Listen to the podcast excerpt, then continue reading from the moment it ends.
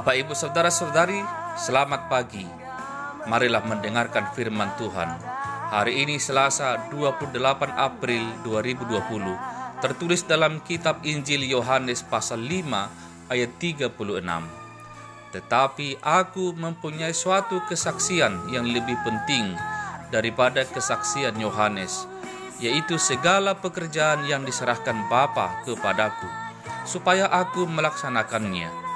Pekerjaan itu juga yang kukerjakan sekarang, dan itulah yang memberi kesaksian tentang aku, bahwa Bapa yang mengutus aku. Demikian firman Tuhan. Saudara-saudari, ayat ini adalah bagian dari kesaksian Yesus tentang siapa dirinya dan untuk tugas apa dia ke dunia ini. Yesus menjelaskan bahwa Bapa yang mengutusnya dan dia mendengarkan serta mengerjakan tugas yang disampaikan Bapaknya kepadanya, yaitu untuk menyelamatkan dunia dan orang berdosa di dalamnya.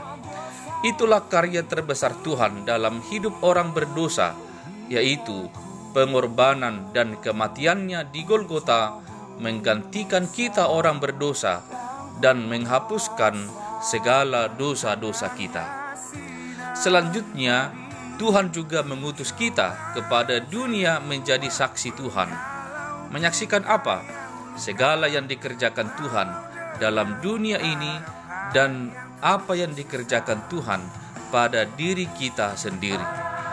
Melihat dunia ini dengan sinar matahari yang terus menyinari kita, hembusan angin yang menyegarkan kita, air yang masih mengalir bagi kita, burung-burung yang masih berkicau, daun-daunan pohon yang masih bergoyang.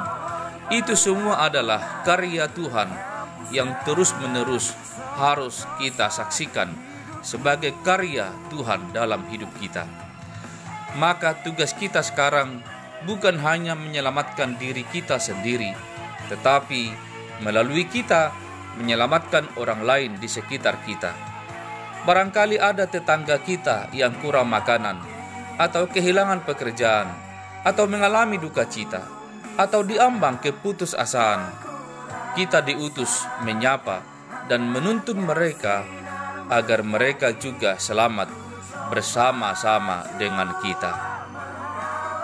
Amin. Marilah berdoa. Ya Tuhan Allah Bapa kami, karyamu terus-menerus Engkau hadirkan dalam kehidupan kami. Bahkan di tengah-tengah pandemi COVID-19 ini, kami terus merasakan kehadiran Tuhan dan karyamu mencukupkan dan menyediakan segala apa yang kami butuhkan. Sertailah kami selalu dan ampunilah Tuhan dosa-dosa kami. Terpujilah Engkau kekal selamanya. Dalam namamu kami berdoa. Amin.